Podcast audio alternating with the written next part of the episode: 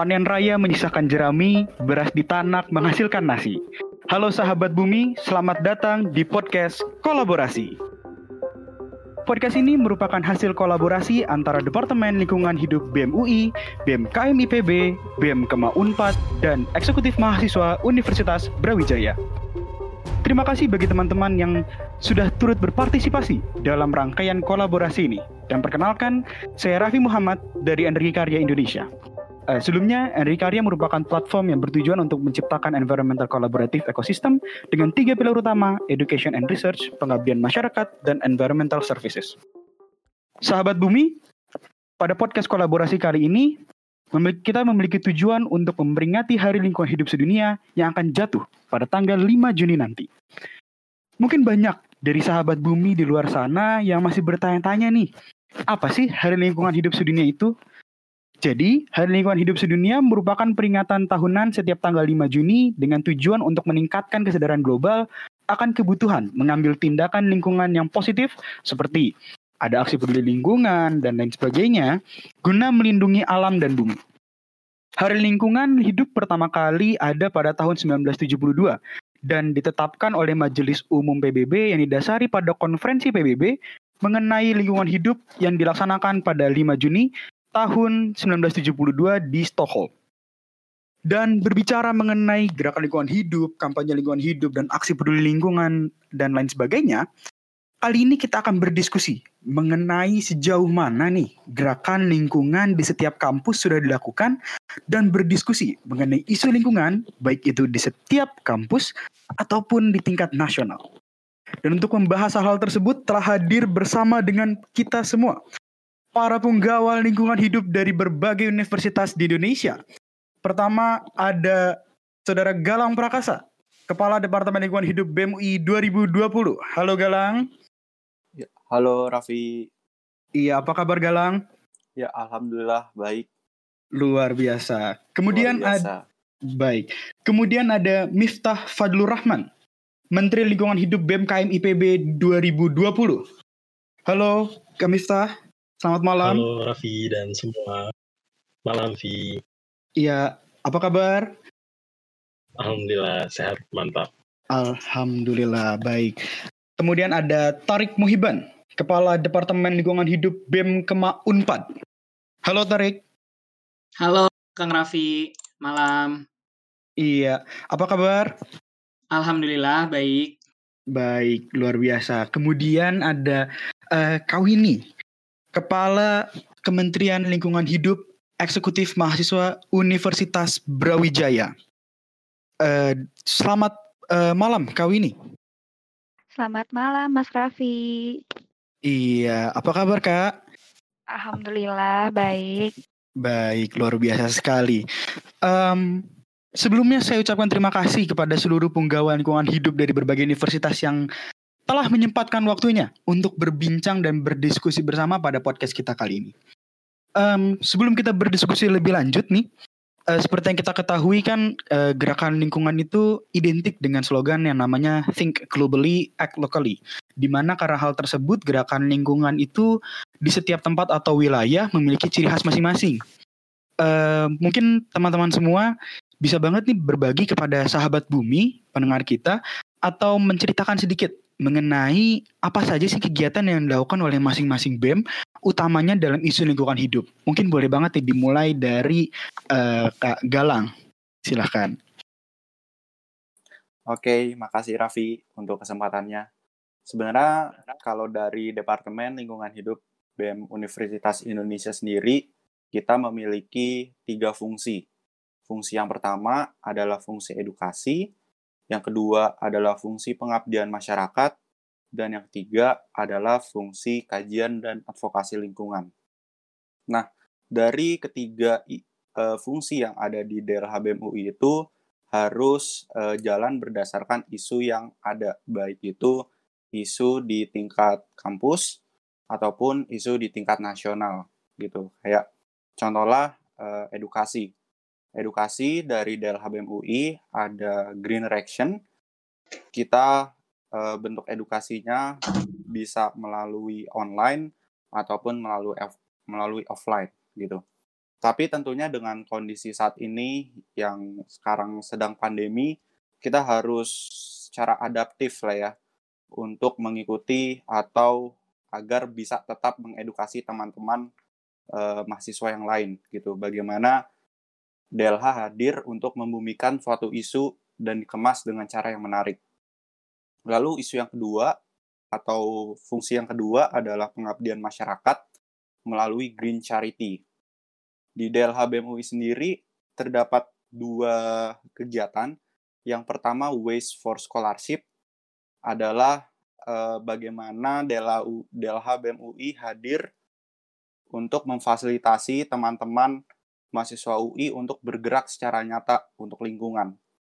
Nantinya eh, sampah yang dikumpulkan oleh DLH BEM UI ini akan dikonversi dalam hal ekonomisnya yang nanti akan uh, dikonversi dalam bentuk uang untuk beasiswa bagi teman-teman mahasiswa UI. Lalu yang berikutnya adalah uh, community service atau pengabdian masyarakat adalah bagaimana DLH UI hadir untuk memfasilitasi teman-teman uh, bergerak nyata untuk lingkungan.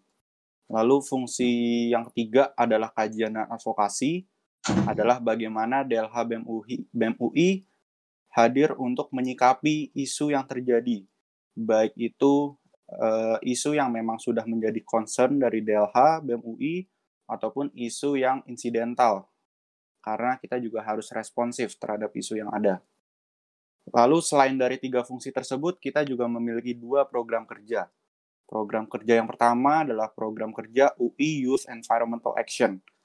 Adalah eh, bagaimana kita mengumpulkan inovasi-inovasi terbaik, baik itu tingkat nasional maupun tingkat internasional. Untuk tahun ini, eh, UI Youth Environmental Action akan mengusung tema renewable energy agar kita tahu sebenarnya inovasi apa yang bisa kita dukung untuk menyelenggarakan renewable energy terbarukan. Lalu di program kerja yang kedua, ada Green Rangers adalah bentuk kaderisasi bagi teman-teman mahasiswa UI untuk tentunya bergerak secara nyata bagi lingkungan. Di tahun ini, uh, di Green Rangers sendiri berbentuk atau outputnya adalah membuat komunitas. Jadi, di Green Rangers kita akan memberikan semacam kurikulum yang nantinya teman-teman Green Rangers akan bisa bergerak secara mandiri bersama komunitas yang dibuatnya. Gitu sih, Vi. Wow, menarik sekali ya berbagai sektor dikemas uh, dan berusaha untuk bisa dipenuhi oleh Departemen Lingkungan Hidup BMUI. Uh, eh, mungkin kita bisa coba juga nih uh, dari BEM uh, KMIPB nih uh, bisa juga untuk sharing bagaimana sih gerakan-gerakan uh, lingkungan yang sudah dilakukan oleh uh, teman-teman BEM KMIPB di kampus. Mungkin dari Kak Miftah boleh banget nih untuk uh, menyampaikan. Oke, Vi. Uh, sebelumnya terima kasih. Uh, ya, jadi buat di Kementerian Lingkungan Hidup BMKM IPB, kita memang termasuk ke dalam uh, kementerian atau sorry kemenkoan di, di pelayanan dan pengabdian, sehingga memang fungsi kita uh, lebih mengarah kepada dua hal tersebut, yaitu pelayanan dan pengabdian. Nah, uh, dengan fungsi kita tersebut, kita punya beberapa tujuan. Nah, salah satunya itu kita berusaha meningkatkan kapasitas tentang kepedulian terhadap lingkungan. Nah, kapasitas ini kita angkat uh, dengan dua hal, yaitu dengan uh, meningkatkan pengetahuan, juga penyediaan alat-alat atau fasilitas yang mendukung terhadap kepedulian lingkungan, khususnya di kalangan mahasiswa. Dari hal tersebut, kita juga punya uh, beberapa apa program kerja uh, seperti berantas atau berani atasi sampah, kemudian juga kedua senjata hijau, dan ketiga suara lingkungan. Nah, uh, berani atasi sampah ini memang program kerja yang sudah kita lakukan sejak tahun lalu. Yang outputnya pada akhirnya adalah kita berharap setiap mahasiswa itu memiliki green lifestyle yang selalu diaplikasikan di setiap harinya. Kita mulai di kampus, dan kita berharap hal itu bisa terus berlangsung di kegiatan sehari-harinya di luar kampus. Kemudian kedua ada senjata hijau. Ini merupakan suatu program kerja yang kita berusaha menyediakan gitu alat-alat yang bisa dipinjam oleh setiap ormawa agar setiap di acara mereka itu dapat terwujudkannya sifat kepedulian lingkungan. Salah satunya dengan menghasilkan sampah yang minim dalam kegiatan-kegiatannya. Dan fungsi selain itu adalah menjadi wadah berkumpulnya setiap orang-orang atau ormawa yang memiliki kepedulian terhadap lingkungan. Nah, uh, hal itu kita tampung dengan adanya program kerja kader lingkungan. Nah, ini disediakan untuk mereka-mereka yang memang memiliki kepedulian lebih terhadap lingkungan. Mereka yang ingin meng menyalurkan itu setiap kepeduliannya, setiap ide-idenya terhadap lingkungan. Dan yang kedua adalah adanya forum lingkungan. Ini hadir sebagai sarana untuk berkumpulnya setiap organisasi atau ormawa yang ada di kampus untuk berkolaborasi seperti itu dalam kegiatan-kegiatan yang berdampak baik pada lingkungan. Uh, terkait dengan analisis kebijakan, kita memang bekerja dengan kementerian lain, uh, seperti Kementerian Jagrikom dan Kementerian Jakpus atau kebijakan kampus. Nah, uh, salah satunya memang di tahun ini kampus IPB ini memiliki mimpi besar, yaitu Green Campus 2020. Nah, dalam pengaplikasiannya ini kita ikut mengawal, namun tidak sendiri, tapi bersama dengan Kementerian Kebijakan Kampus tersebut. Baik, terima kasih luar biasa sekali. Menarik sekali gerakan uh, yang sudah gerakan lingkungan hidup yang sudah dilakukan di uh, oleh BEM KM di lingkup kampus.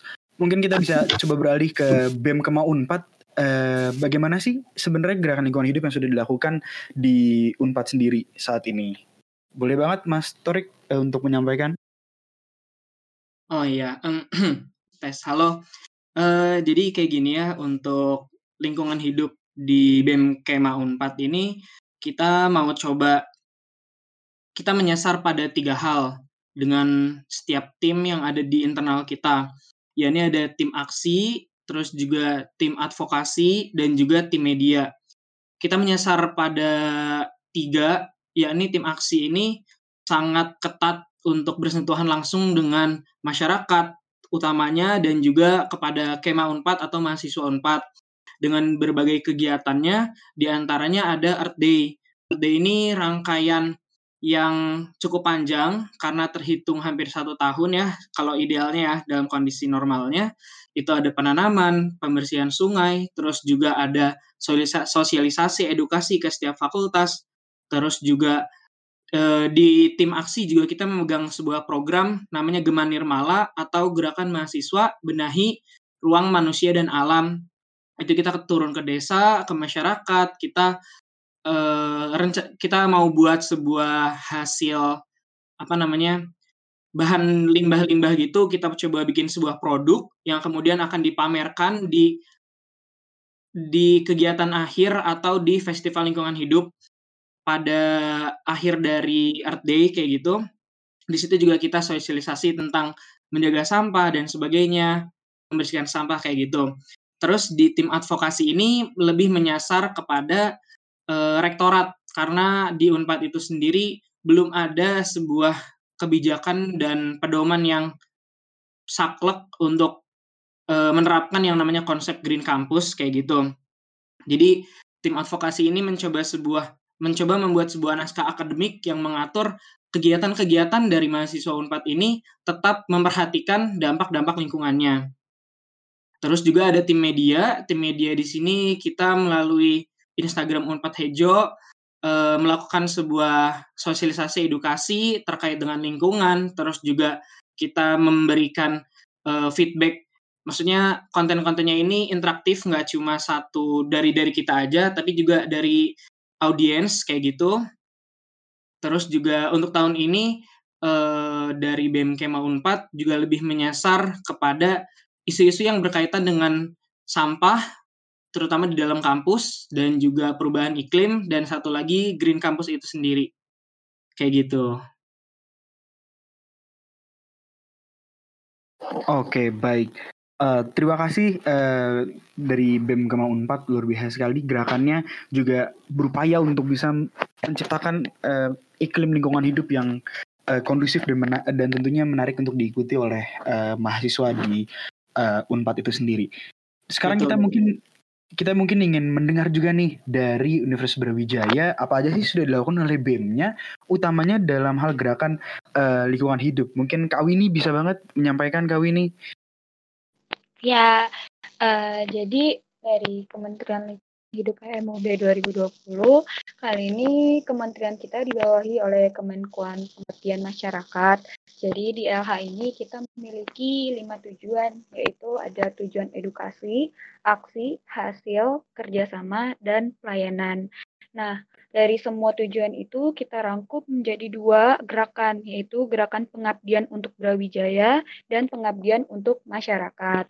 Nah, kalau untuk pengabdian Brawijaya sendiri atau kita bisa sebut sebagai sisi internalnya, kita mempunyai empat program, di mana program itu kita sasarkan, eh kita tujukan sebagai bahan edukasi masyarakat Brawijaya. Jadi program terkait yang pertama itu ada beasiswa sampah. Eh, beasiswa sampah ini berlaku untuk satu periode kepengurusan di tahun 2020 di mana uh, tujuannya adalah memberikan beasiswa dari hasil pengelolaan sampah kayak sampah jenis anorganik kayak kertas, kardus, botol, barang bekas lainnya. Nah, kegiatannya itu yang udah kita lakuin seperti pick up service, uh, terus uh, eh, BS Charity. Sebenarnya kegiatan di beasiswa sampah sendiri itu banyak, tapi karena adanya corona ini jadi agak ter uh, sendat juga ya. Nasi kita masih menunggu nanti akan kolaborasi dengan BS uh, eh, on event seperti Raja Brawijaya, uh, PK2MU-nya Universitas Brawijaya gitu. Nah, terus kegiatan uh, program selanjutnya itu ada Green Warrior. Green Warrior ini uh, seperti halnya sama halnya dengan UI ya. Jadi kita tuh uh, mengadakan sekolah lingkungan Lingkungan ini ditujukan untuk seluruh mahasiswa UB uh, eh, untuk mengedukasi serta mencetak generasi pencinta lingkungan di uh, ranah Brawijaya sendiri. Di situ juga kita mengandung edukasi dan aksi di mana edukasi ini kita mengedukasi semua pesertanya nanti tentang Green Campus dan uh, mempersiapkan mereka untuk aksi dalam Brawijaya maupun pengabdian ke masyarakatnya. Terus ada CFD Brawijaya. Jadi di di Brawijaya di kita itu uh, mengadakan Car Free Day Brawijaya di mana uh, tujuan utamanya itu untuk menurunkan ketergantungan uh, sivitas Brawijaya terhadap pemakaian kendaraan dan untuk menurunkan emisi di Brawijaya sendiri. Baik, terima kasih banget Kak Winnie sudah uh, berbagi dengan kita mengenai gerakan lingkungan uh, di Universitas Brawijaya. Um, seperti yang tadi sebelumnya sempat sudah uh, sempat uh, saya katakan bahwa uh, setiap uh, gerakan lingkungan atau aksi uh, dan lain sebagainya itu memiliki ciri khas di masing-masing uh, wilayah di masing-masing tempat. Dan pastinya dari masing-masing universitas memiliki isu utama yang diangkat uh, dalam uh, satu tahun ini sebagai isu sebagai koridor utama dalam melakukan gerakan-gerakan atau aksi-aksi lingkungan uh, dalam periode satu tahun ini. Uh, mungkin tadi udah, sudah ada beberapa yang menyebutkan juga mengenai isu-isu isu utamanya. Uh, tapi yang menarik adalah apa sih kesulitan atau tantangan mungkin lebih lebih menarik kita bilang tantangan dalam uh, membumikan isu lingkungan di masing-masing kampus di, kepada masing-masing mahasiswa masing-masing mahasiswa kampusnya uh, utamanya dari si isu utama itu tadi, apa, apakah tantangan yang paling uh, um, menantang, wow tantangan yang paling menantang mungkin uh, dalam membumikan isu lingkungan itu. Karena kan pasti kan uh, banyak yang mahasiswa yang masih berpikir kayak uh, isu lingkungan itu suatu isu yang nanti sajalah. Mungkin banyak banyak mahasiswa juga yang berpikir kayak lebih tertarik terhadap isu sosial politik dan lain sebagainya sehingga isu lingkungan mungkin bukan suatu isu yang inklusif atau yang menarik untuk diikuti oleh semua orang. Mungkin dari Kau ini boleh uh, berbagi kepada kita semua bagaimana tantangan di uh, Universitas Berwijaya sendiri untuk membumikan isu lingkungan, utamanya isu utama yang sedang dibawa oleh uh, Kementerian Lingkungan Hidup? Uh, Oke, okay. sebenarnya kalau misalnya isu lingkungan sendiri banyak ya pasti di setiap univ pun pasti akan memiliki banyak isu lingkungan. Tapi kalau misalnya dari Brawijaya sendiri, isu yang paling benar-benar, yang paling uh, sangat menantang itu adalah isu tentang pengelolaan sampah, di mana pengelolaan sampah ini menjadi uh, permasalahan yang uh, sedikit riskan gitu ya untuk kawasan Brawijaya sendiri. Oke, okay. uh, tante berarti tantangan terbesar tadi adalah ada di kesadaran mahasiswa salah satunya.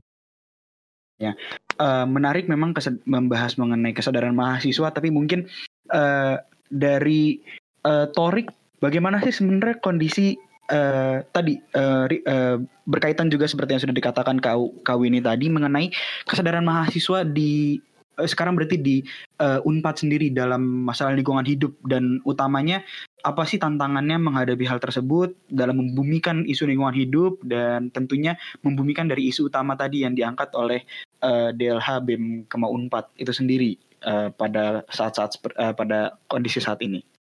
Uh, Oke, okay. jadi sebenarnya isu yang pun itu sebenarnya kalau Green Campus itu emang kita inisiasikan sendiri karena di Unpad itu sering banget kita mendengar soal Green Campus, Green Campus, tapi soal Green Campusnya ini nggak pernah uh, ter, apa ya terjabar apa dijelaskan dengan pasti oleh Unpad. Sebenarnya Unpad tuh Green Campusnya seperti apa sih? Nah di sini makanya coba tahun ini mau kita coba ulik.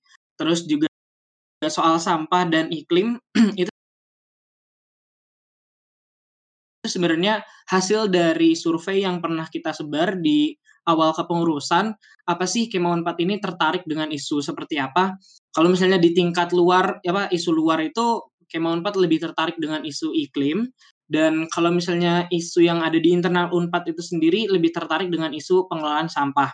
Kalau misalnya kita ngelihat perilaku mahasiswa Kema Unpad itu eh, dalam hal lingkungan ya, mungkin dari segi apa buang sampahnya kayak gitu ya perilakunya itu sebenarnya kan sebelum kita adanya kesadaran untuk membuang sampah pada tempatnya itu harusnya ada sebuah e, peraturan ketat dan juga diimbangi dengan fasilitas yang ada. Karena beberapa fakultas di Unpad itu sendiri tidak mengakomodir adanya tempat sampah yang e, sesuai. Jadi maksudnya kayak tempat sampah ini e, enggak tidak terpilah gitu, campur-campur aja, terus juga jaraknya antar uh, koridor itu juga cukup jauh. Akhirnya orang-orang tuh uh, ngerasa kayak males buang sampah karena mikirnya bakal jauh dan sebagainya. Ditambah uh, Kema 4 ini lebih berpikir kalau ah nanti pasti bakal ada cleaning service yang datang untuk ngebersihin. Kalaupun nggak ada, sampahnya yang bakal tetap ada di situ, nggak bakal ketahuan siapa yang habis buang sampah di situ. Maksudnya kayak emang belum ada uh, kesadaran secara penuh kalau ini tuh sampah gue, ini tuh sampah uh, temen gue kayak gitu. Tapi sampai saat ini sebenarnya nggak sejelek itu uh, Kema Unpad karena kita punya beberapa UKM terus juga beberapa lembaga komunitas yang emang uh, senang dengan hal-hal lingkungan. Kayak misal Mapala itu hampir di seluruh fakultas itu ada karena Mapala kan juga sebagai garda terdepan dalam uh, menjunjung uh, cinta lingkungan kayak gitu. Terus juga komunitas-komunitas macam kelompok uh, karya mahasiswa itu uh, ada beberapa di fakultas juga emang naikin isu-isu tentang lingkungan kayak misal di fakultas perikanan itu tentang kelautan, isu apa uh, lingkungan yang ada di laut seperti apa kayak gitu. Jadi sebenarnya uh, di Unpad sudah ada, tapi untuk secara penerapannya ya masih dibilang cukup uh, rendah lah kayak gitu. Kayak gitu, Raffi. Uh, kalau mendengar dari uh, tadi pemaparan dari uh, Torik mengenai apa sih isu yang uh, diangkat salah satunya adalah yang fokus yang menjadi menarik bagi mahasiswa adalah isu limbah padat dan tadi uh, isu sampah uh, dan tadi seperti kau ini juga sampaikan bahwa di Brawijaya juga isu sampah menjadi suatu hal yang uh, diangkat juga menjadi uh, suatu hal yang berupaya diupayakan untuk bisa dibumikan lebih lagi kepada mahasiswa kepada sivitas akademika dan kepada uh, seluruh komponen pendukung dari universitas-universitas masing-masingnya. Uh, tadi juga sempat disebutkan juga di awal uh, bahwa BMKM IPB di sini memiliki uh, beberapa program atau mungkin uh, juga isu mengenai limbah padat itu sendiri atau sampah itu sendiri. Uh, mungkin kami uh, di sini bisa coba disampaikan juga tantangannya apa sih uh, dari kalau di IPB sendiri dalam uh, membumikan isu lingkungan hidup. Uh, mungkin bisa juga mengenai uh, diekspos juga mengenai bagaimana membumikan isu mengenai persampahan dan lain sebagainya begitu. Karena kan uh, IPB mungkin uh, dekat sekali juga dengan uh, lingkungan dan lain sebagainya. Pasti uh, mungkin akan ada kecondongan-kecondongan uh, mahasiswa yang lebih peduli lingkungan atau justru malah uh, sebaliknya. Mungkin bisa coba kami uh, sampaikan. Uh, pada kesempatan kali ini uh, gue bakal sedikit cerita ya tentang gimana kondisi di kampus. Salah satunya tadi tentang tantangan besarnya lah istilahnya kayak gitu. Nah, uh, di kampus ini seperti yang tadi sempat gue bilang bahwa memang uh, tahun ini tuh IPB punya mimpi besarnya gitu di tahun 2020 ini yaitu Green Campus. Nah tentang Green Campus ini sebenarnya poin-poin yang ada di dalamnya itu banyak ya. Nah poin-poin besarnya itu memang terkait tentang green transportation, green building gitu. Terus juga tentang pengaturan air dan salah satunya juga tentang pengelolaan sampah. Uh, memang dari Green Campus ini sudah cukup diangkat dari beberapa tahun sebelumnya sehingga uh, jika berbicara tentang kepedulian terhadap lingkungan, sebagian besar mahasiswa, gue rasa memang udah punya gitu, udah tumbuh kesadaran terhadap kepedulian lingkungannya. Uh, terlebih, seperti yang tadi Raffi bilang, benar banget, ilmu ilmu-ilmu yang kita pelajari di sini memang sebagian besar terkait juga sama lingkungan, kayak gitu. Uh, contohnya, kalau di UNPAD tadi ada fakultas uh, kelautan gitu ya, nah di kita juga memang uh, banyak gitu fakultas-fakultas yang ilmu yang di dalamnya itu terkait banget sama lingkungan. Fakultas perikanan atau FPIK juga ada fakultas kehutanan, fakultas pertanian, dan yang lainnya gitu. Bahkan untuk fakultas ekonomi dan manajemen, FEM, itu juga di dalamnya juga ditelisik punya ilmu-ilmu yang memang diperdalam lagi terkait, terkait ke terkaitannya dengan lingkungan.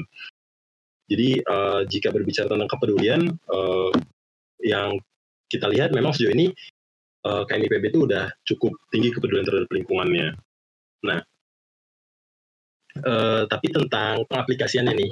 Nah, uh, setelah kita uh, kemarin bergerak di awal tahun 2020, yang kita lihat memang ternyata dalam pengaplikasian uh, sikap kita untuk mengaplikasikan kepedulian terhadap lingkungan itu, yang paling berat itu adalah mengubah budaya gitu atau kebiasaan gitu gimana enggak karena kita lihat Eh, kita biasa membuang satu sampah di satu tong sampah gitu ya, tidak terpilah atau tiga tong sampah, tiga jenis tong sampah tuh udah kita lakukan selama bertahun-tahun gitu ya. Nah di kampus ini kita biasakan untuk memilah uh, ke dalam tiga jenis sampah. Tantangan terbesar menurut kita adalah merubah kebiasaan atau budaya itu sendiri gitu. Dan jadi ke depan uh, kita yakin bahwa uh, ini akan bisa diaplikasikan dengan baik, tapi memang butuh waktu yang panjang. Oke, uh, tadi mungkin dari tiga uh, teman-teman kita dari berbagai universitas tadi tiga sebelumnya, tiga universitas sebelumnya uh, memiliki suatu uh, isu yang ident, uh, suatu kesamaan isu mengenai green campus gitu. Green campus menjadi sebuah uh, topik atau menjadi sebuah isu uh, yang hangat diperbincangkan di masing-masing kampus tersebut karena tantangannya juga uh, bukan hanya di sektor uh, mahasiswanya saja yang mungkin kurang sadar mengenai green campus dan lain sebagainya, tapi juga ada dari kampusnya sendiri yang memiliki kebijakan-kebijakan yang uh, masih belum cukup untuk bisa mencapai uh, grade green campus itu sendiri. Uh, mungkin uh, Galang bisa berbagi juga nih dari uh, UI, kira-kira seperti apa sih uh, pembumian isu lingkungan hidup di UI Oke, uh, makasih Raffi. Sebelumnya, uh, sebelum gue ngejelasin tentang sebenarnya tantangan apa yang dihadapi sama DLHBM UI, mungkin di sini gue akan sedikit ngejelasin sih tentang isu apa yang kita bawa dan uh, sebenarnya relevansi isu yang kita bawa terhadap entah itu di Depok ataupun tingkat kampus itu seperti apa.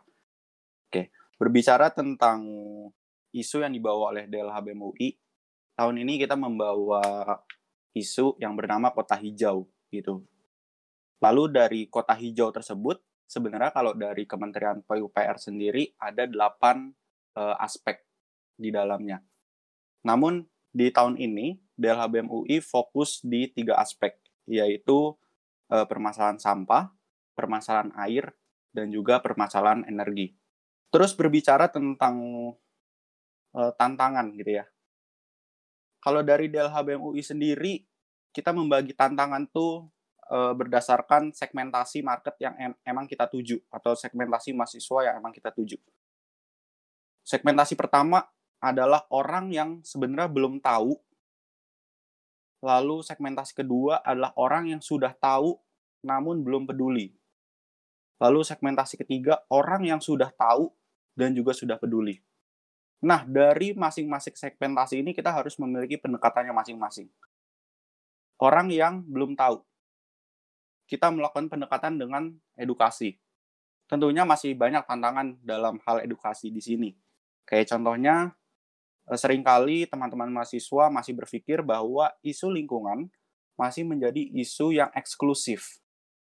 Padahal isu lingkungan adalah isu yang bahkan setiap hari kita alami, tapi mungkin tidak disadari oleh teman-teman mahasiswa gitu. Nah, dengan stigma isu lingkungan masih menjadi isu yang eksklusif di sini, DLHBM UI mencoba untuk dua cara. Yang pertama, kami mencoba untuk melakukan frekuensi edukasi secara terus-menerus atau ditingkatkan gitu ya.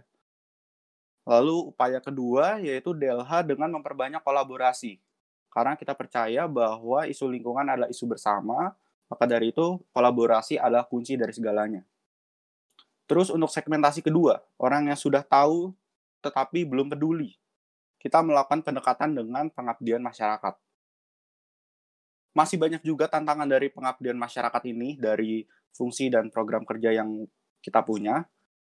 Kayak contohlah masih kesulitan bagaimana mengajak teman-teman mahasiswa UI untuk bergerak bergerak melakukan pengabdian masyarakat gitu. Sebenarnya teman-teman mahasiswa UI itu sudah sadar, sudah sadar kalau e, memang lingkungan ini udah rusak, itu sudah sadar cuma mereka ya udah sebatas sadar doang tapi belum mau bergerak mungkin ya nah makanya di sini BMUI eh, nggak uh, bisa sendiri gitu kita selalu mengajak teman-teman teman-teman BEM fakultas untuk menggerakkan teman-teman mahasiswa di fakultasnya masing-masing.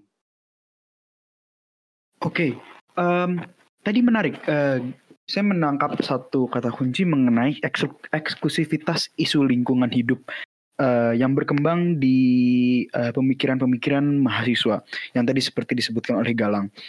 Uh, menarik karena memang uh, eksklusivitas isu lingkungan hidup tidak hanya terjadi di kalangan mahasiswa, tapi pada masyarakat secara umum hal tersebut juga terjadi. Uh, dinamika atau uh, kondisi mengenai eksklusivitas isu, isu lingkungan hidup juga terjadi uh, dan berkorelasi juga mengenai tadi uh, beberapa tadi menyebutkan mengenai uh, Green Campus.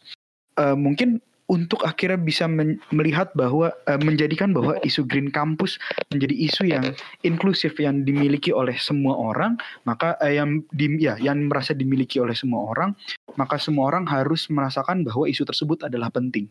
Mungkin uh, saya ingin bertanya dulu ke uh, Mas Miftah, uh, isu Green Campus tadi uh, memangnya seberapa penting sih? Kenapa akhirnya uh, sivitas akademika utamanya mungkin dari uh, rekan-rekan mahasiswa IPB harus uh, meyakini bahwa Green Campus itu adalah sebuah hal yang memang harus kita capai, harus kita penuhi dan harus dilakukan secara bersama-sama. Uh, ya, uh, dari sudut pandang gue dan ini gue dapet setelah uh, gue menjalani uh, kehidupan gue atau mengikuti beberapa kegiatan tentang lingkungan di kampus gitu ya Nah, uh, pada salah satu diskusi gue dapati bahwa memang perubahan besar itu dihasilkan salah satunya dengan perubahan di kampus. Itu yang mana hal itu bisa berdampak nantinya ketika mahasiswa mahasiswa tersebut telah lulus gitu di kampus sehingga mereka juga bisa menghadirkan perubahan-perubahan tersebut di tengah-tengah masyarakat. Nah, maka dari itu uh, kita memang berpikir gitu bahwa Green Campus ini sangat penting untuk uh, di kalangan mahasiswa. Gitu, uh, yang mana ketika penyampaian-penyampaian terhadap nilai-nilai peduli lingkungan itu disampaikan, ya nanti akan merubah uh, suatu kebiasaan yang berdampak baik bagi lingkungan dan itu nanti akan terus menerus berlanjut kepada setiap generasi yang akan datang di kampus gitu ya. Nanti akan mencetak generasi generasi yang peduli terhadap lingkungan gitu. Sehingga nanti lagi-lagi seperti yang gue sampaikan di awal akan mencetak generasi-generasi yang peduli terhadap lingkungan dan menghadirkan perubahan yang lebih baik untuk lingkungan di tengah-tengah masyarakat seperti itu dan di sisi lain ketika penyampaian di kampus ini juga memang menurut gue menjadi suatu tagline ya terhadap uh, hal bahwa kampus kita itu udah peduli terhadap lingkungan gitu. Masa mahasiswa yang di dalamnya tidak peduli terhadap lingkungan kayak gitu. Raf. Baik, terima kasih Kak Miftah. Uh, mungkin saya ingin beralih ke Kawini. Uh, Kawini mungkin uh, apakah permasalahan mengenai eksklusivitas isu lingkungan juga terjadi di uh, kalangan sivitas akademika Universitas Brawijaya kak uh, karena uh, mungkin ada kesulitan sehingga yang akhirnya menimbulkan kesulitan untuk membumikan isu lingkungan hidup dan lain sebagainya mungkin kak. Uh, jadi kalau dikatakan kesulitan pasti ya apalagi notabene kita Kementerian Lingkungan Hidup ini baru baru berdiri selama tiga tahun. Uh, yang kita bisa lakukan dari semua permasalahan yang ada dari isu-isu lingkungan yang ada, cuman uh, kita tetap menjadi media edukasi dan untuk meningkatkan kesadaran mereka, apalagi dengan terka terkait uh, tujuan dari salah satu wakil rektor di Universitas Brawijaya uh, mewujudkan uh, Universitas Brawijaya sebagai the real campus, green campus itu sebenarnya uh, sedikit uh, sulit untuk umur kita yang, maksudnya Kementerian Lingkungan Hidup baru ini dalam, tiga tahun ini, tapi tetap kita melakukan dengan cara mengedukasi semaksimal mungkin, mungkin dari semua program-program kita, kampanye kita, dan juga peringatan kita, dan terkait kualitas pun sebenarnya uh, dikatakan minim pun ya dari Brawijaya, cuman masih kita usahakan bagaimana fasilitas itu tetap uh, memadai untuk mahasiswa. Baik, uh, mungkin uh, tadi kan sempat ada juga uh, ada sempat menyebutkan juga mungkin dari di antara kita yang menyebutkan mengenai green lifestyle mungkin. Uh, sebenarnya green lifestyle itu uh, bagaimana sih uh, kondisinya saat ini mengenai gaya hidup yang lebih ramah lingkungan dan lain sebagainya? Mungkin mas uh, Kang karena dari Unpad mungkin saya akan panggil Kang Torik mungkin atau A Torik uh, mungkin bisa berbagi mengenai green lifestyle dari mahasiswa Unpad itu uh, bagaimana kondisinya? Apakah sudah sangat uh, berwawasan lingkungan atau justru malah masih terdapat tantangan-tantangan yang signifikan? Uh, green lifestyle di kampus ya, lingkungan kampus. Kalau paling kayak gini sih, jadi uh, bersyukurnya ya, alhamdulillah di Unpad itu udah mulai tersebar di hampir seluruh fakultas, tapi belum semua, yang namanya Jalatista. Jalatista itu semacam uh, apa namanya ya? Yang kayak buat keran buat minum, keran bisa langsung minum kayak gitu.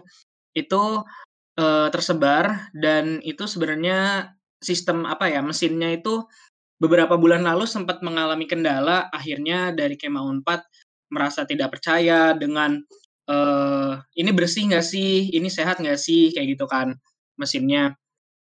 Terus habis itu sempat dimatiin, ditutup dulu mesinnya, mau coba diperbaiki, terus juga coba ada riset lagi, uh, karena beberapa bakteri di situ akhirnya Kemauan 4 jadi takut.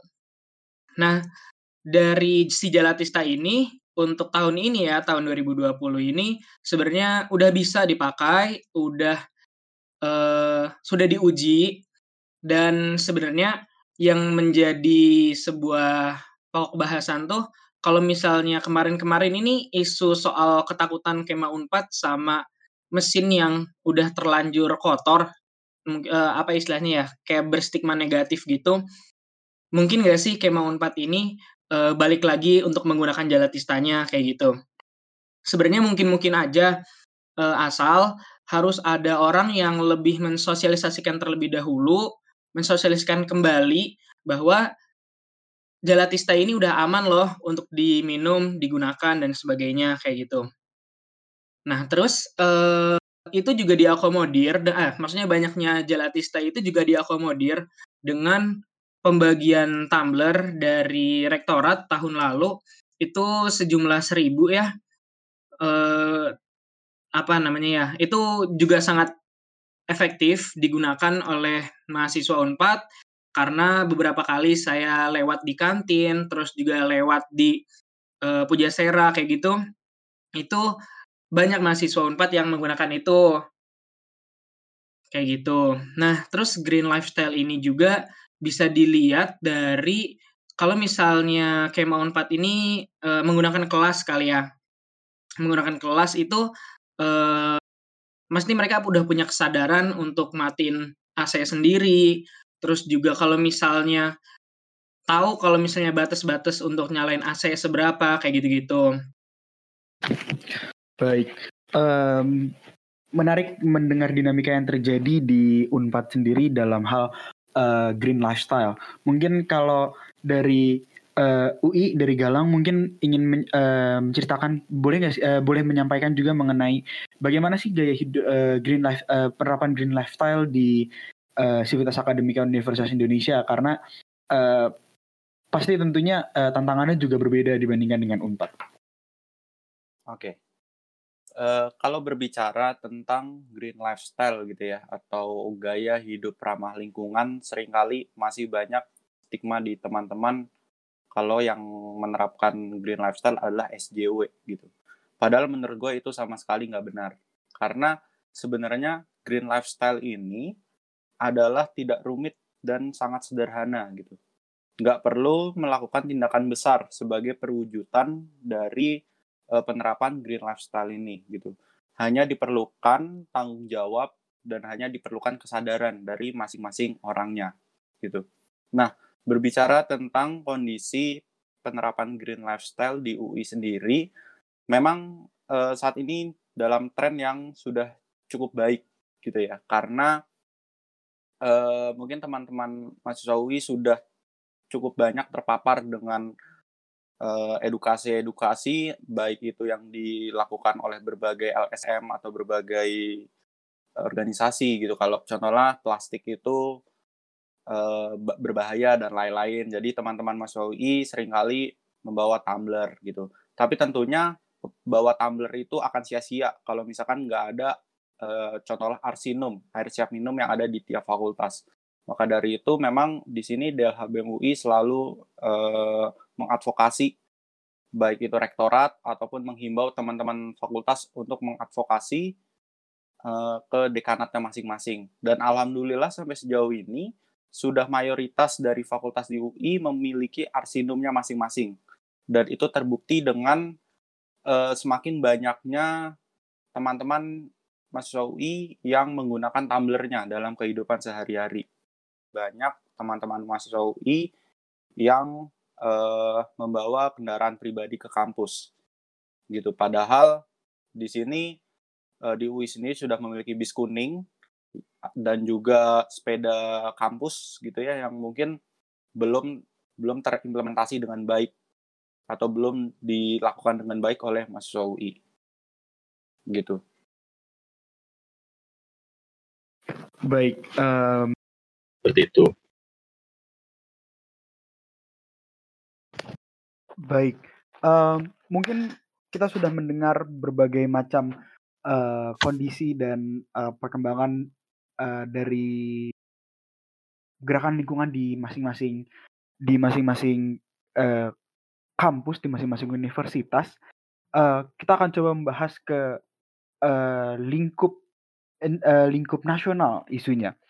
Um, saat ini uh, seperti kita ketahui kan uh, permasalahan krisis iklim menjadi suatu hal yang uh, semakin serius semakin hari. Uh, semakin banyak gerakan-gerakan yang mendesak pemerintah Indonesia untuk segera mendeklarasikan krisis iklim. Tapi mungkin yang perlu kita pahami sudah sejauh mana sih sebenarnya uh, Indonesia dalam merespon krisis iklim? Karena kan kalau misalkan kita lihat dalam dokumen Nationally Determined Contribution, Indonesia memiliki target yang menurut Menteri Lingkungan Hidup kita dinilai uh, ambisius, yaitu uh, mereduksi gas rumah kaca hingga di angka 29% per kalau tidak salah per tahun 2030 nanti. Uh, mungkin dari rekan-rekan uh, punggawa-punggawa lingkungan hidup uh, ada ingin menyampaikan uh, pandangannya mengenai sejauh mana sih sebenarnya pemerintah Indonesia apakah uh, upayanya sebenarnya udah pol ini udah upaya terbaik yang diberikan pemerintah Indonesia dalam menghadapi krisis iklim atau sebenarnya ini adalah upaya yang seperti upaya ala kadarnya seperti itu. Yang penting adalah kebijakan yang kita buat mengenai krisis iklim gitu. Mungkin bisa coba uh, dari Galang mungkin bisa coba menyampaikan. Uh, kemarin dari DLH UI dan juga DLH uh, eh, BEM Kemau 4 melakukan kajian tentang seberapa serius uh, NDC di Indonesia gitu ya yang dibuat oleh pemerintah dan pada akhirnya kita uh, mengeluarkan beberapa rekomendasi gitu ya. Rekomendasi yang pertama adalah meminta pemerintah untuk meninjau ulang serta meningkatkan target-target NDC dari segi target per sektor maupun target total. Karena kita lihat target yang dibuat pemerintah tidak mencerminkan ambisius yang tinggi. Lalu yang kedua, itu kami meminta juga meluruskan perbedaan data mengenai target kondisional pengurangan emisi. Karena kita melihat tidak ada uh, keterbukaan data yang dilakukan oleh pemerintah. Terus uh, yang berikutnya adalah membuat kebijakan penurunan emisi yang spesifik untuk masing-masing sektor sebagai upaya pencegahan terjadinya double count double counting. Intinya adalah uh, pemerintah Indonesia kurang dalam hal transparansi data dan juga diperlukan adanya perbaikan birokrasi serta kolaborasi dari berbagai elemen. Uh, ini menjadi menarik ketika tadi uh, dinyatakan bahwa sebenarnya pemerintah Indonesia itu belum menunjukkan keseriusannya. Ini bu ini bukan upaya terbaik yang ditunjukkan oleh pemerintah Indonesia dalam uh, menanggulangi masalah krisis iklim dan lain sebagainya. Uh, mungkin tadi kan sempat disebutkan membuat kebijakannya uh, sempat membuat maaf sempat membuat kajian bersama dengan BEM Kema Unpad. Uh, mungkin uh, AA Torik bisa coba menyampaikan apakah benar bahwa sebenarnya memang ini bukan bukan upaya terbaik yang ditunjukkan oleh pemerintah gitu. Ini masih upaya yang seperti upaya ala kadarnya seperti itu. Coba mungkin bisa coba dikonfirmasi. Um, Oke, okay. jadi kalau misalnya dari kami pribadi, eh dari kami melihat bahwa adanya ketidakseriusan pemerintah ini dalam hal eksekusi. Maksudnya kita ngelihat apa hal uh, tindakan yang bisa pemerintah lakukan itu salah satunya adalah membuat kebijakan yang ini akhirnya lebih berpihak kepada masyarakat, terutama masyarakat adat, terus juga uh, hutan itu sendiri, baik itu hutan yang dilindungi, terus juga kita ngelihat uh, perspektif dari segi satwa-satwa liarnya yang masih tergolong ke dalam hewan hampir punah kayak gitu itu yang sempat menjadi miss dari pemerintah juga karena begini uh, pemerintah kita menggunakan sebuah kebijakan yang tidak bersifat uh, mengakomodir seluruh kepentingan maksudnya kepentingan-kepentingan yang ada ini hanya sebatas kepada uh, keuntungan-keuntungan keuntungan ekonomi yang akan didapat oleh investor baik itu untuk penggunaan uh, sawit dan sebagainya kayak gitu. Terus uh, secara implementasi ataupun eksekusi itu juga kurang karena dari pemerintah itu sendiri adanya sebuah mungkin kalau istilah mahasiswa itu uh, mis miskomunikasi. Jadi antara kita kan sistemnya uh, desentralisasi ya sistem pemerintahannya. Kalau misalnya pemerintah tingkat pusat itu uh, mengatakan A A tapi kemudian ketika sampai ke tingkat-tingkat selanjutnya di tingkat pemerintahan selanjutnya itu akan berbeda. Izinnya pun jadi simpang siur kayak gitu. Tentang krisis iklim ini uh, dan tadi menyambung dari Torek ya. Uh,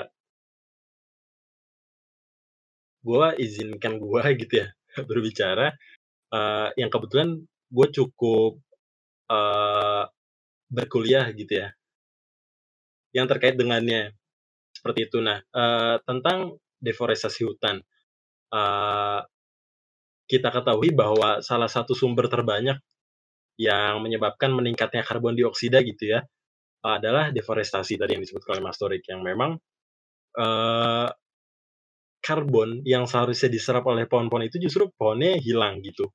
Dan di sisi lain, karbon-karbon yang sudah ada di pohon itu malah dilepaskan gitu kan ke udara gimana nggak nggak makin sumpek gitu ya gimana nggak semakin menyebabkan pemanasan global yang akhirnya terjadi terus semakin mendukungnya uh, krisis iklim.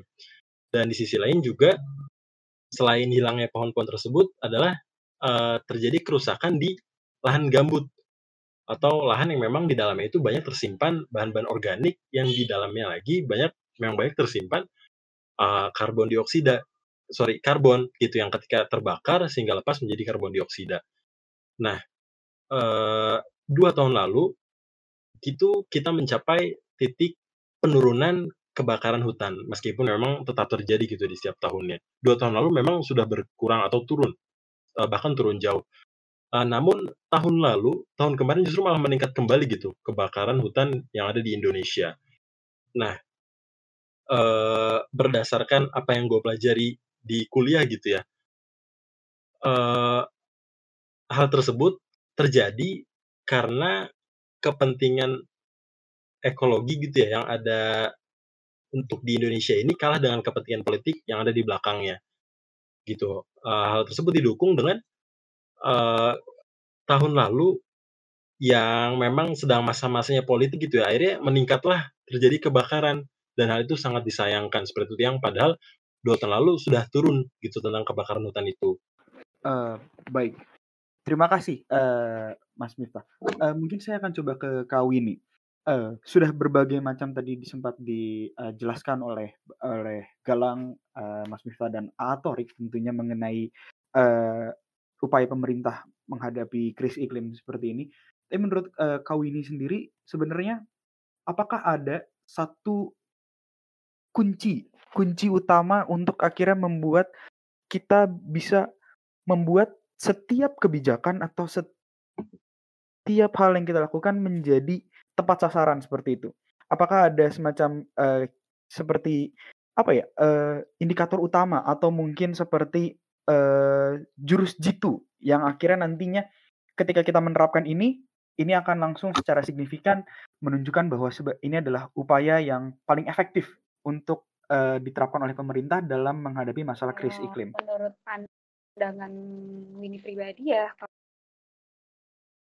iklim sendiri uh, dampaknya sebenarnya mau apa pun itu kita melihat kondisi dan situasi sebenarnya ya kalau menurut pandangan si kondisi dan situasi karena krisis iklim ini kan yang tadi dibilang sebelumnya adalah uh, krisis iklim bisa uh, mempengaruhi ke segala bidang, ke segala arah gitu. Yang dulu pernah Winnie tahu juga dari artikel-artikel uh, atau jurnal pun krisis iklim mau itu secara global atau di Indonesia juga berdampak bagi seluruh elemen kehidupan di dunia kayak dari segi alam, lingkungan bahkan kehidupan manusia dan hewan. Kayak uh, krisis iklim menghambat produksi hingga konsumsi listrik di Indonesia juga kan berdampak jit, uh, cara jitu yang mungkin bisa uh, diterapkan adalah ya kejelasan aturan dari pemerintah itu sendiri gitu loh. Kalau yang tadi sebelum-sebelumnya kayak kami apa Kang Mifta dan Kang Gorik bilang pemerintah harus lebih tegas lagi. Ya kejelasan dari aturan pemerintah itu yang harus benar-benar ditegaskan gitu loh. Kejelasan ya jangan sampai uh, pemerintah mengeluarkan aturan yang mungkin uh, hari ini bisa berkata A dan besoknya bisa berkata B dengan segitu mudahnya berubah gitu tanpa ada paparasi uh, pemaparan dari merekanya sendiri. Jika memang kejelasan aturan dari pemerintah itu sudah benar-benar uh, jelas, benar-benar tegas, mungkin krisis iklim dari pemerintah atau mau gerakan uh, masyarakat sendiri pun bisa ditaatasin bareng-bareng gitu. Berarti uh, salah satu yang harusnya dilakukan juga adalah mengenai upaya kolektif antara pemerintah dan uh, masyarakat untuk menanggulangi masalah krisis iklim ini. Uh, menarik sekali. Uh, kita akan coba beralih. Uh, jadi kalau dihitung-hitung kan sekarang uh, Hari Lingkungan Hidup itu sudah 48 tahun lah kita memperingati Hari Lingkungan Hidup. Dan ternyata selama 48 tahun uh, tidak pernah perjalanan uh, kita memperingati Hari Lingkungan Hidup itu berlalu secara mulus. baru baru-baru ini kita mendapat kejutan uh, dari uh, bapak-bapak dan ibu-ibu anggota dewan yang ada di Senayan sana. Uh, pada bulan Ramadan kemarin kita mendapat kejutan bersama-sama bahwa uh, revisi UU Minerba telah terbit dan uh, banyak ada beberapa poin-poin di sana yang dengan jelas uh, seperti melanggengkan kerusakan terhadap lingkungan. Sebagai contoh, adanya pasal 103 ayat 6 dalam revisi undang-undang tersebut menyatakan bahwa pemegang IUP dan IUPK, IUP itu adalah uh, ya uh, izin usaha pertambangan kalau tidak salah. Uh, pemegang IUP dan IUPK yang melakukan sendiri pengolahan uh, dan terintegrasi peningkatan nilai tambah melalui pembangkit listrik tenaga uap batu bara diberikan insentif fiskal dan non fiskal yang diatur oleh pasal 168 dan juga uh, ada juga statement atau uh, semacam pernyataan di mana di RUU Minerba tersebut ada semacam opsi ketika uh, boleh dilakukan uh, boleh maaf boleh pengelola pertambangan untuk tidak mereklamasi uh, lahan bekas tambang melainkan menjadikannya uh, sebagai tempat wisata atau sebagai tempat irigasi dan lain sebagainya. Alias uh, lahan bekas tambang yang berlubang itu tadi itu bisa dijadikan semacam uh, danau buatan seperti itu. Yang mana dengan yang tidak mereklamasi berarti kan tandanya tidak memulihkan kembali fungsi lahan uh, bekas tambang tersebut menjadi uh, seperti sedia kala. Kejutan-kejutan yang luar biasa dalam 48 tahun kita memperingati Hari Lingkungan Hidup, bagaimana tanggapan uh, saudara-saudara mengenai uh, revisi RUU Minerba yang tidak member, tidak memperlihatkan kecondongan terhadap uh, pembaharuan atau perbaikan terhadap lingkungan. Karena kalau misalkan kita lihat mengenai uh, insentif terhadap I, uh, pemegang IUP dan IUPK yang memiliki PLTU, uh, ini agak sedikit bertolak belakang dengan upaya tadi Indonesia di mana di dalam NDC atau National Determined Contribution ingin menurunkan gas rumah kaca tapi dengan memberikan insentif bagi pemegang IUP dan IUPK yang memiliki PLTU justru malah akhirnya membuat eh, pembangkit tenaga uap dari batu bara malah akan menjamur lagi di Indonesia dan tentunya malah membuat kita semakin tergantung dengan eh, energi kotor dari batu bara. Mungkin eh, dari Mas Miftah bisa coba menanggapi mengenai RUU Minerba ini dalam sektor lingkungan utamanya? Oke, ya uh, dalam sudut pandang gua uh, menghadapi atau menerima hal tersebut uh, sakit hati gitu ya. Istilahnya mungkin sakit hati karena gimana enggak tadi salah satu poin yang disampaikan bahwa uh, dipermudah gitu ya izinnya dan ditambah lagi uh, tidak dilakukannya reklamasi gitu setelah ditambang. Uh, kita yang kita tahu di sana kan terjadi banyak kerusakan gitu ya ketika diambil tambang yang ada di dalamnya dan setelah itu dibiarkan begitu saja. Pun jika kondisinya dijadikan tempat wisata, apakah hal itu berdampak baik bagi lingkungan yang notabene fungsi ekologis itu belum tentu hadir gitu dengan adanya wisata tersebut. yang mungkin secara fungsi ekonomi berdampak baik. Tapi dari segi fungsi ekologi, yang jika sebelumnya banyak pohon atau tumbuhan-tumbuhan lainnya, fungsi-fungsi tersebut akan hilang kayak gitu. Dan yang kita tentu tahu berdampak buruk lagi bagi krisis iklim yang sudah terjadi. Betul sekali setuju dengan pernyataan dari Mas Miftah. Mungkin uh, Atorik ingin mencoba menambahkan uh, karena kan ini menarik sekali gitu loh ketika tadi kan kayak uh, kita juga uh, bertanya-tanya pemerintah uh, apakah sudah serius merespon krisis iklim terus kemudian keluar RUU Minerba ternyata kok semakin tidak serius sepertinya uh, apa-apa yang mau dilakukan oleh pemerintah dalam menanggulangi krisis iklim malah memberikan celah untuk kebangkitan pembangkit tenaga uap yang sebenarnya sedang diupayakan untuk dikurangi Bagaimana tanggapan dari uh, Torik mengenai hal ini? Um, sebelum lebih jauh kita menggali RU Minerba, eh gini, RU Minerba tuh sebenarnya kan cukup kom apa ya, cukup kompleks dan banyak banget pasal-pasal yang menjadi kita perlu pertanyakan kejelasannya. Karena uh, yang kita semua tahu pada intinya ini kita nyebutnya undang-undang ya karena udah disahkan. Undang-undang Minerba ini uh, udah sangat mendukung dan juga memudahkan investor-investor terus juga perusahaan-perusahaan tambang untuk membuka uh, perizinan tambang itu tersendiri. Nah, satu deh mungkin yang kita lihat di pasal 169A itu kita ngelihat uh, yang mengatakan bahwa perpanjangan izin tambang tanpa lelang.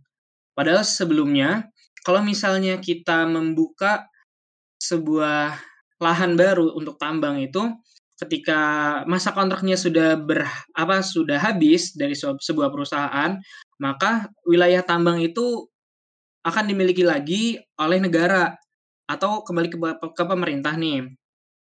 Nah, tapi dengan adanya undang-undang kayak gini, uh, itu bisa diatur perpanjangan izinnya, jadi nggak perlu berpindah tangan. Dan akhirnya keuntungan tambang ini hanya berputar di perusahaan-perusahaan yang itu-itu saja, kayak gitu. Terus uh, yang perlu kita perhatikan juga nih ya, dengan adanya undang-undang tambang ini adanya ancaman deforestasi yang cukup kuat, cukup besar. Belum juga dari segi kepunahan satwa liarnya dan juga masyarakat adat yang memiliki wilayah khusus yang sudah mereka lindungi puluhan tahun kayak gitu. Itu yang perlu diperhatikan. Betul sekali bahwa uh, sebenarnya banyak poin-poin atau titik-titik uh, di dalam undang undang-undang yang sudah direvisi ini malah justru akhirnya memberikan uh, gejolak pada lingkungan di mana undang-undang ini tidak terlihat lagi pro terhadap lingkungan seperti itu. Di mana adanya uh, definisi mengenai pasca tambang yang artinya harus mengembalikan kondisi tambang seperti sedia kala, seperti semula sebelum ada tambang tersebut, yang berarti kalau misalkan itu adalah kawasan uh, hutan, berarti dikembalikan kembali untuk paling tidak uh, mendekati dengan kondisi semulanya seperti itu. Tapi dengan tidak dilakukannya hal tersebut, alias diperbolehkan untuk dibiarkan begitu saja dengan dalih uh, menjadi sektor pariwisata dan lain sebagainya, justru malah seperti yang tadi sudah dikatakan bahwa akhirnya memperbesar lagi uh, celah-celah deforestasi, memper, membuat lagi permasalahan lingkungan semakin kompleks dan serius yang akhirnya memberikan dampak akumulatif di masa yang akan datang. Uh, mungkin kita akan coba beralih dari RUU Minerba. Uh, menarik uh, di saat uh, pandemi ini sedang berlangsung. Sekarang kan kita sedang uh, mengalami masa pandemi uh, coronavirus uh, yang sedang berlangsung saat ini. Ternyata selain timbul permasalahan uh, mulai dari kesiapan pemerintah dalam dalam sektor uh, medis dan mulai dari peralatan dan tenaga medis yang masih banyak kekurangan, kemudian dari sektor kebijakan yang ternyata uh, banyak uh, miss satu sama lain dan lain sebagainya, ternyata muncul juga permasalahan di mana saat ini uh, kita kekurangan pengolahan B3. Uh, mungkin uh, mengenai limbah B3 itu tadi sebenarnya itu suatu permasalahan yang menjadi kompleks di mana uh, limbah B3 seharusnya sudah menjadi uh, fokus penanganan yang dari awal kita harusnya tidak memiliki permasalahan lagi, utamanya limbah medis. Karena uh, limbah medis adanya adanya pandemi ataupun tidak adanya pandemi tetap akan ada limbah medis seperti itu. Tapi mungkin di masa pandemi ini limbah medisnya semakin banyak jumlah timbulannya sehingga menimbulkan permasalahan karena banyak instalasi limbah B3 kita yang belum siap atau bahkan banyak daerah yang tidak punya seperti itu. Jawa Barat sendiri menyatakan bahwa kalau tidak salah eh, mengalami kesulitan dalam pengolahan eh, limbah medis dan penanganan limbah medis. Eh, oleh karena itu terlihat bahwa sebenarnya eh, masalah limbah B3 sebenarnya menjadi masalah yang semakin serius uh, untuk untuk kemudian harus segera direspon. Karena apa? Limbah B3 atau utamanya limbah medis dalam kasus uh, pandemi saat ini itu berpotensi uh, utamanya bagi petugas kebersihan kita juga tidak ditangani dengan baik, akhirnya malah mem, malah menjaga, uh, malah mem, menulari petugas-petugas uh, kebersihan kita. Mungkin saya akan coba beralih ke Galang. Bagaimana sebenarnya kondisi penanganan limbah B3 saat ini di Indonesia dan apakah, uh, ada kemu ada ada kemungkinan di masa yang akan datang perbaikan-perbaikan dalam penanganan limbah B3? Karena, uh, kalau melihat kita kondisi kita saat ini banyak sekali kekurangan kita dalam penanganan limbah B3. Mungkin bisa coba ditanggapi, Galang? Oke, mungkin, uh, sebelum ke limbah B3, gue boleh nggak Vi beropini tentang RUU Minerba lagi? Oh iya, boleh boleh, boleh banget. Uh, kalau okay. menyampaikan. Oke. Okay. Jadi berbicara tentang RUU Minerba ya, kemarin uh, pada tanggal 12 Mei itu udah disahkan oleh pemerintah gitu RUU ini.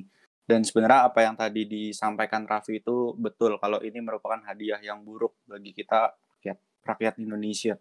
Kenapa menjadi hadiah yang buruk gitu? Yang pertama karena penyusunan RUU Minerba ini cacat formil. Karena dalam penyusunannya minim partisipasi publik. Gitu terbukti e, banyak sekali LSM-LSM yang tidak diikut sertakan dalam proses penyusunannya. Selain itu, pembahasan e, DIM-nya, daftar inventaris masalah dari RUU ini berlangsung sangat singkat, hanya kurang dari dua minggu, 10 hari saja penyusunannya. Nah, termas dan kenapa e, menjadi hadiah buruk? Alasan kedua adalah karena RUU ini memicu eksploitasi yang semakin masif terhadap kekayaan alam di Indonesia gitu. Karena selama ini e, ini menjawab juga pertanyaan Raffi yang tadi mungkin belum terjawab juga e, mengenai pemerintah yang lebih pro investasi gitu ya. Karena selama ini sebenarnya ter, menurut gue pribadi terdapat dua aliran yang kadang sering berargumentasi tentang konteks pembangunan. Aliran pertama menganggap lingkungan sebagai penghalang pembangunan, sementara aliran lain berpendapat bahwa lingkungan justru menguntungkan pembangunan untuk jangka panjang. Padahal bagaimanapun, menurut gua, roda ekonomi itu nggak akan berputar jika sumber daya alam habis, hutan gundul, sumber air kering, ekosistem terganggu, sehingga memicu bencana alam dan penyakit baru pada manusia. Gitu. Tanpa upaya dan komitmen, kita akan tiba pada satu titik di mana ekonomi akan mati karena semua yang bernilai ekonomi sudah punah. Apakah kehidupan dapat terus berjalan tanpa air, tanah, dan hutan? Gitu. Tak ada uang, menurut gue tak ada uang dalam jumlah berapapun yang dalam yang dapat menyelamatkan kita. Kalau kita masih mencemari udara, air, tanah, bahkan merusak keanekaragaman hayati yang ada di Indonesia gitu. E, melanjutkan ke pembahasan berikutnya tentang limbah B3 gitu ya. Kalau limbah B3 sendiri memang sekarang merupakan permasalahan yang sedang terjadi terutama di masa pandemi ini. Permasalahan tersebut muncul yang pertama akibat tidak ada e, lahan yang cukup luas untuk mengelola sampah B3 ini. Karena uh, sampah B3 memerlukan uh, pemrosesan atau pengolahan secara khusus gitu tak, uh, tidak uh, memerlukan protokol-protokol yang sangat detail. Permasalahan kedua adalah uh, banyak rumah sakit-rumah sakit yang masih tidak mengerti bagaimana cara pengelolaan sampah B3 yang baik gitu. Karena ada berbagai macam mm, cara-cara pengelolaan sampah B3. Contohnya bisa menggunakan insinerator atau bisa menggunakan sistem landfill atau dengan cara-cara yang lain. Nah, sebenarnya cara-cara ini tidak bisa disamakan antara satu daerah dengan daerah yang lain. Karena mungkin setiap daerah e, membutuhkan caranya masing-masing sesuai dengan e, kebutuhan di daerahnya. Gitu. Maka dari itu memang permasalahan limbah B3 ini memerlukan pendekatan secara pentahelix gitu ya dalam kasus penanganan COVID-19 ini. Kita harus uh, pentahelix uh, ya triple helix maksud gue harus melibatkan tiga pihak pihak yang pertama government atau pemerintah pihak yang kedua adalah sektor bisnis atau swasta dan sektor dan pihak tiga adalah masyarakat gitu dan per, tentunya diperlukan kolaborasi yang kuat untuk mengelola sampah B3 ini. Baik, uh, menarik bahwa ternyata memang uh, tapi kan um, sebenarnya saya mendapatkan suatu hal yang menarik, yaitu, uh, permasalahan mengenai adanya rumah sakit yang belum memahami pem uh, penanganan limbah B3 atau mungkin mengenai instalasi-instalasi yang memiliki kekurangan-kekurangan dalam penanganan limbah B3. Uh, yang menjadi menarik di sini adalah, mengapa kira permasalahan limbah B3 ini baru mulai diributkan atau maaf, bahasa secara halusnya baru baru mulai menjadi perbincangan yang ramai di kalangan publik dan lain sebagainya. Padahal limbah B3 ini sudah pasti ada. Dan tentunya tanpa ada eh, tanpa adanya pandemi ini pun rumah sakit pasti akan tetap menghasilkan limbah medis atau limbah B3. Ini yang kemudian menjadi semacam sebuah pertanyaan. Selama ini memang se seperti apa, uh, penanganan limbah B3 itu sendiri? Kenapa pada akhirnya seperti negara kita baru panik sekarang seperti itu loh dalam penanganan limbah B3? Uh, eh, mengapa pada akhirnya kita baru seperti semacam, uh, mengalami kejutan dalam masalah penanganan limbah B3? Apakah memang selama ini bahwa penanganan limbah B3 kita seperti suatu hal yang, uh, dianggap angin lalu saja, ditangani seala kadarnya, atau bagaimana menurut kau ini? Terima kasih Mas Raffi. Uh, mungkin pandangan Winnie sendiri ya terkait Bapak limbah B3 ini, yang dikatakan Mas Raffi itu benar, uh, dulunya tuh belum ada sem uh, semenggebor-gebor gini gitu loh karena ada corona aja tiba-tiba langsung orang-orang pada uh, aware tentang wah limbah sampah limbah seperti apa nantinya gini apalagi uh, yang kita ketahui ya uh, korban eh pasien positifnya corona eh COVID-19 ini sudah makin banyak sampai menembus 20 ribu, 23 ribu gitu. Sebenarnya intinya tuh jika limbah ini tidak dikelola ya, limbah B3 dari medis itu tidak dikelola sesuai prosedur ya maka bakal ada potensi virus menyebar ke masyarakat lainnya gitu loh. Apalagi kan yang paling utama yang langsung menangani si limbah ini biasanya kan pemulung gitu loh. Pemulung yang ngambilin sampah yang nggak tahu pemulung itu di dalamnya ada uh, li, uh, sampah medis yang dibuang gitu aja gitu. Uh, pokoknya yang Winnie tahu tuh saat ini ya mungkin karena ada corona banyak rumah sakit yang masih belum punya teknologi pengelolaan limbah medis yang mencukupi gitu, yang memadai.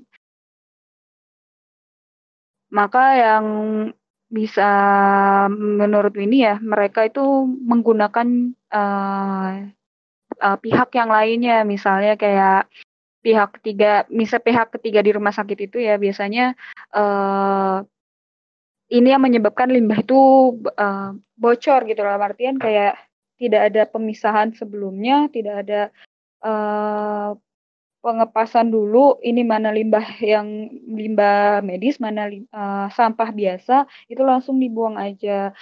Uh, gak banyak rumah sakit yang setahu ini yang punya uh,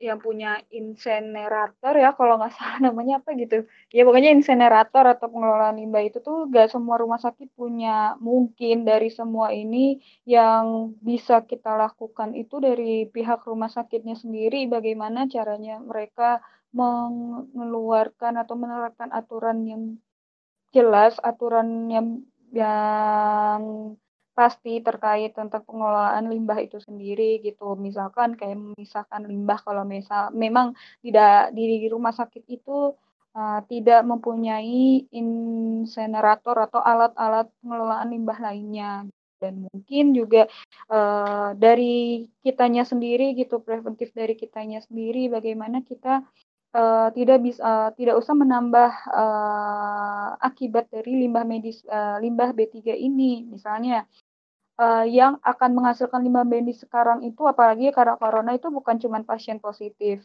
ODP, PDP, bahkan kita yang uh, kita yang dibilang buka apa negatif corona COVID itu juga menghasilkan limbah karena kita masih memakai masker. Coba dari hal-hal tersebut kita ganti mungkin dengan cara mengganti masker yang masker medis itu kita ganti sebagai masker kain dan juga uh, masker kain itu bisa diberikan kepada orang-orang seperti pemulung, ya di mana kita bisa menyelamatkan mereka juga gitu. Dan terkait pengelolaan dari limbah medisnya itu kan berarti berakhir pada TPA ya tem tempat pembuangan akhir. Dan di situ uh, pemerintah juga di sini harus bisa menekankan pada aturan yang jelas gitu loh terkait uh, bagaimana uh, caranya mengelola limbah B3 ini. Karena uh, yang kita tahu yang di TPA sekitar di uh, misalnya Bantar Gebang itu kan masih banyak sampah-sampah uh, yang organ apa anorganik. Dan sekarang ditambah limbah medis. Mungkin dari mereka sendiri juga kewalahan akibat naiknya sampah limbah medis tersebut gitu. Di situ pemerintah harus bisa menekankan gitu aturan aturan pengelolaan sampah limbah medis ini, limbah B3 ini seperti apa yang jelas. Dan juga uh, yang tadi dikatakan Galang sebelumnya itu benar, kalau misalnya penanganan itu uh, penanganan apalagi dengan kondisi COVID-19 ini bisa lebih jelas antara kerjasama antara pemerintah, uh, perusahaan dan masyarakat itu harus lebih ditekankan lagi yang intinya mereka bisa kerja bareng kerja bersama lah antar kita pemerintah dan perusahaan buat menangani permasalahan sampah. Karena jujur karena COVID-19 ini permasalahan limbah ini malah jadi naik gitu loh. Jadi aware buat semua orang. Karena mungkin orang-orang juga takut mereka tertular bukan dari uh, pasien yang positifnya saja, mungkin dari benda-benda atau yang orang apa sampah sampah-sampah yang mereka uh, buang gitu. Dari tempat yang mereka buang untuk uh, sampah uh, rumah tangga mereka atau mungkin si pemulung ini juga yang akan membawa ke anak-anak dan keluarganya nanti. Aturannya yang mesti dijelaskan juga dan himbauan juga untuk masyarakatnya yang lebih ditekankan gitu. Karena bukan hanya ya mungkin semua orang nggak ada yang mau kena COVID-19 gitu ya. Tapi mungkin semuanya juga bisa dihimbau gitu. Karena yang akan berdampak bukan cuma pada kesehatan kan pada lingkungannya juga gitu.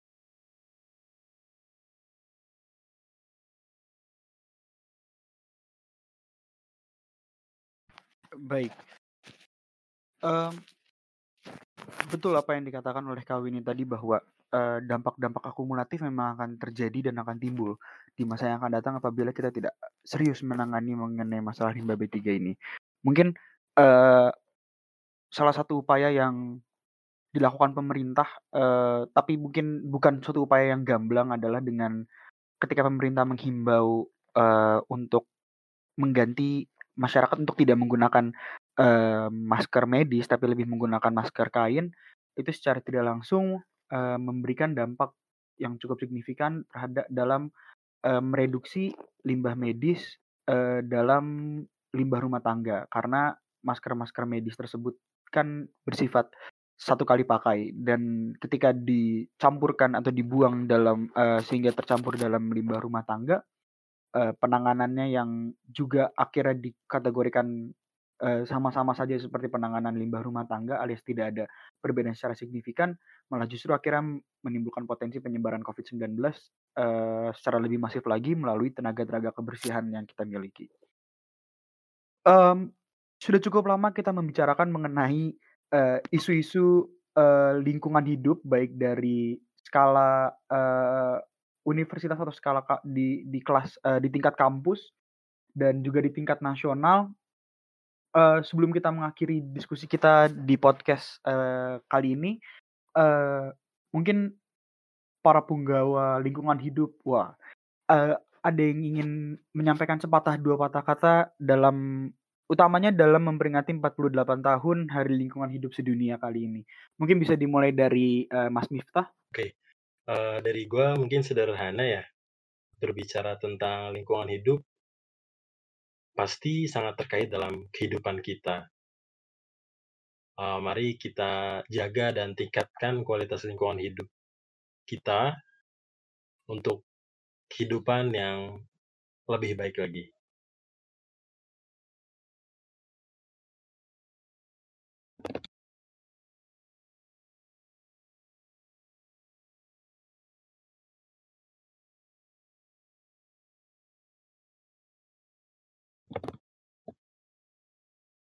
Baik.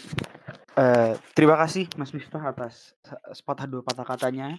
Uh, kemudian mungkin dari Kawini ada yang ingin disampaikan kepada sahabat bumi yang uh, pendengar setia dari podcast kita dalam memperingati 48 tahun Hari Lingkungan Hidup sedunia ini. Terima kasih Mas Raffi. Jadi uh, mungkin ya, aku cuma pengen menyadarkan Tuhan itu udah memberikan kita waktu untuk hidup di bumi dengan lingkungan yang asri dan juga hijau. Lalu, apa yang mesti kita berikan sebagai wujud terima kasih tersebut? Santai saja, gak mungkin kan? Nah, sudah sebenarnya kita menjaga apa yang telah diberikan sama uh, Tuhan kepada kita bersama-sama. Ini adalah salah satu wujud syukur atas apa yang telah diberikan melalui gerakan kecil kita yang kita lakukan sekarang agar berdampak pada masa depan nanti. Baik, terima kasih Kak Winnie. Uh, kemudian mungkin dari A Torik ada yang ingin disampaikan untuk para sahabat bumi uh, dalam memperingati 48 tahun ini? Peringatan Hari Lingkungan Hidup untuk di masa-masa sekarang ini, terlagi di masa work from home, lagi adanya kasus corona ini, itu seharusnya menjadi waktu momen yang tepat untuk kita semua untuk mencoba refleksi. Refleksi mengingat-ingat atas apa aja perilaku yang udah kita coba lakukan. Kita juga akhirnya apa usaha kita untuk menjaga bumi. Karena dengan adanya sebuah momentum hari peringatan itu kita harus ngelihat kayak apa sih latar belakang dari adanya peringatan hari ini. Misal kita ngelihat hari lingkungan hidup, ya uh, kita ngelihat masalah-masalah apa aja sih yang sekarang sedang ada di uh, lingkungan hidup kita ini sendiri, di sekitar kita, terus juga yang berkaitan ya iklim, terus juga uh, kita ngelihat bagaimana keseriusan dari pemerintah untuk menjaga lingkungan kita dan mungkin yang harusnya kita bisa lakukan juga adalah kita di masa pandemi kayak gini work from home ini kita coba merencanakan suatu hal yang akhirnya bisa kita coba terapkan ketika kita sudah berada uh, dalam kondisi normal. Ketika uh, ketika kita udah nggak ada lagi PSBB, WFH ini, kita bisa coba terapkan. Ya, karena kita ngelihat adanya uh, virus ini, juga beberapa ahli mengatakan bahwa adanya virus ini karena perilaku-perilaku kita yang bisa dibilang kurang bersih, kurang sehat, terus juga makan makanan yang sembarangan, yang belum tentu itu ada bersih kayak gitu. Terus juga kalau misal ternyata virus ini adalah hasil dari zoonosis itu dari satwa-satwa liar gitu ya.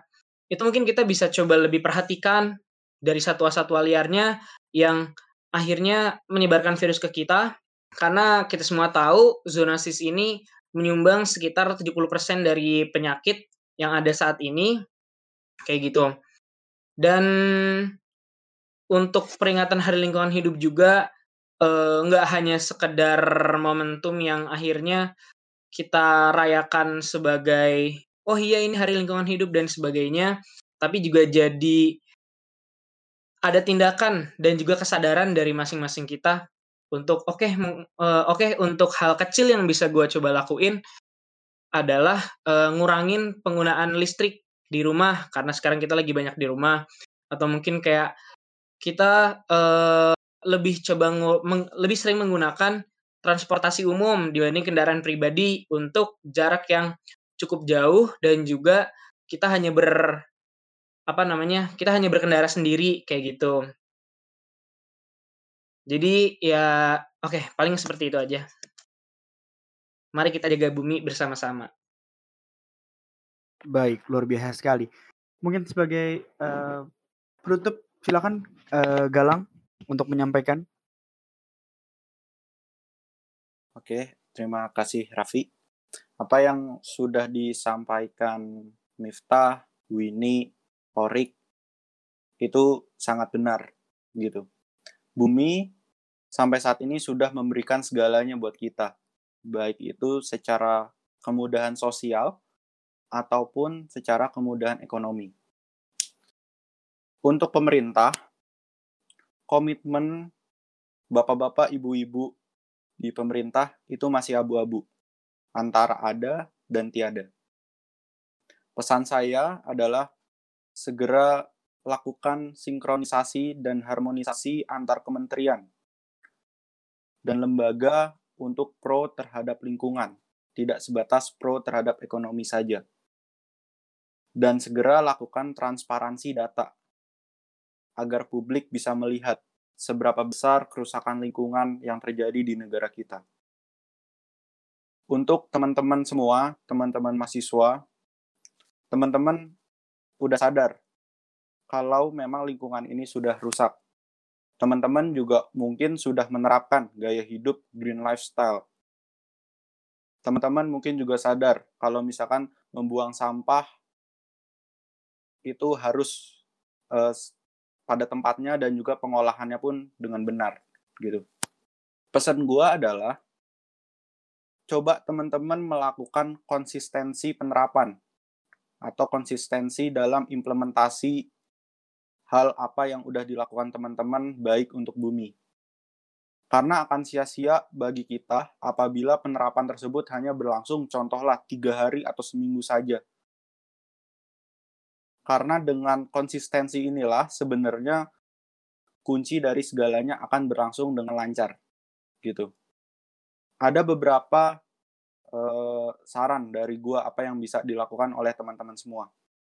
Yang pertama teman-teman bisa melakukan penyebaran informasi tentang kerusakan lingkungan atau uh, mencari tahu tentang kondisi lingkungan itu seperti apa.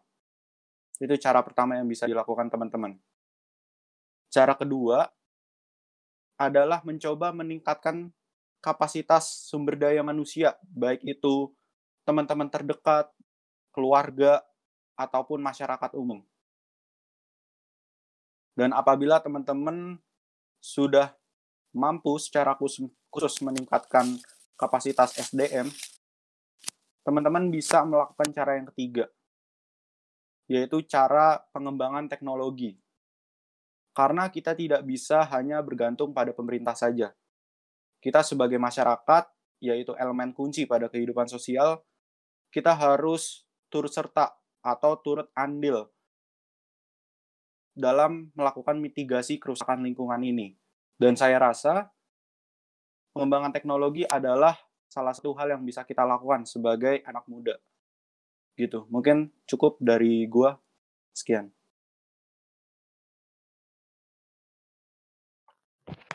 Baik. Terima kasih saya ucapkan kepada seluruh uh, penggawa lingkungan dari universitas dari berbagai universitas-universitas di Indonesia yang telah menyempatkan waktunya untuk berbagi bersama dengan sahabat bumi, berdiskusi mengenai isu lingkungan hidup baik dari skala kampus hingga ke skala nasional. Uh, dalam dalam rangka untuk memperingati 48 tahun Hari Lingkungan Hidup yang uh, akan segera kita yang akan segera kita peringati pada 5 Juni mendatang. Mungkin sebagai kata-kata penutup, um, saya selaku moderator ingin menyampaikan bahwa sehebat-hebatnya dan sebaik-baiknya aksi ling aksi peduli lingkungan hidup adalah aksi yang konsisten walau kecil, bukan hanya aksi momentual dan simbolis semata. Karena kita bergantung pada alam setiap saat, bukan momentual. Uh, akhir kata, menanam pohon untuk hijaukan bumi, jaga lingkungan, jangan dilupa pula.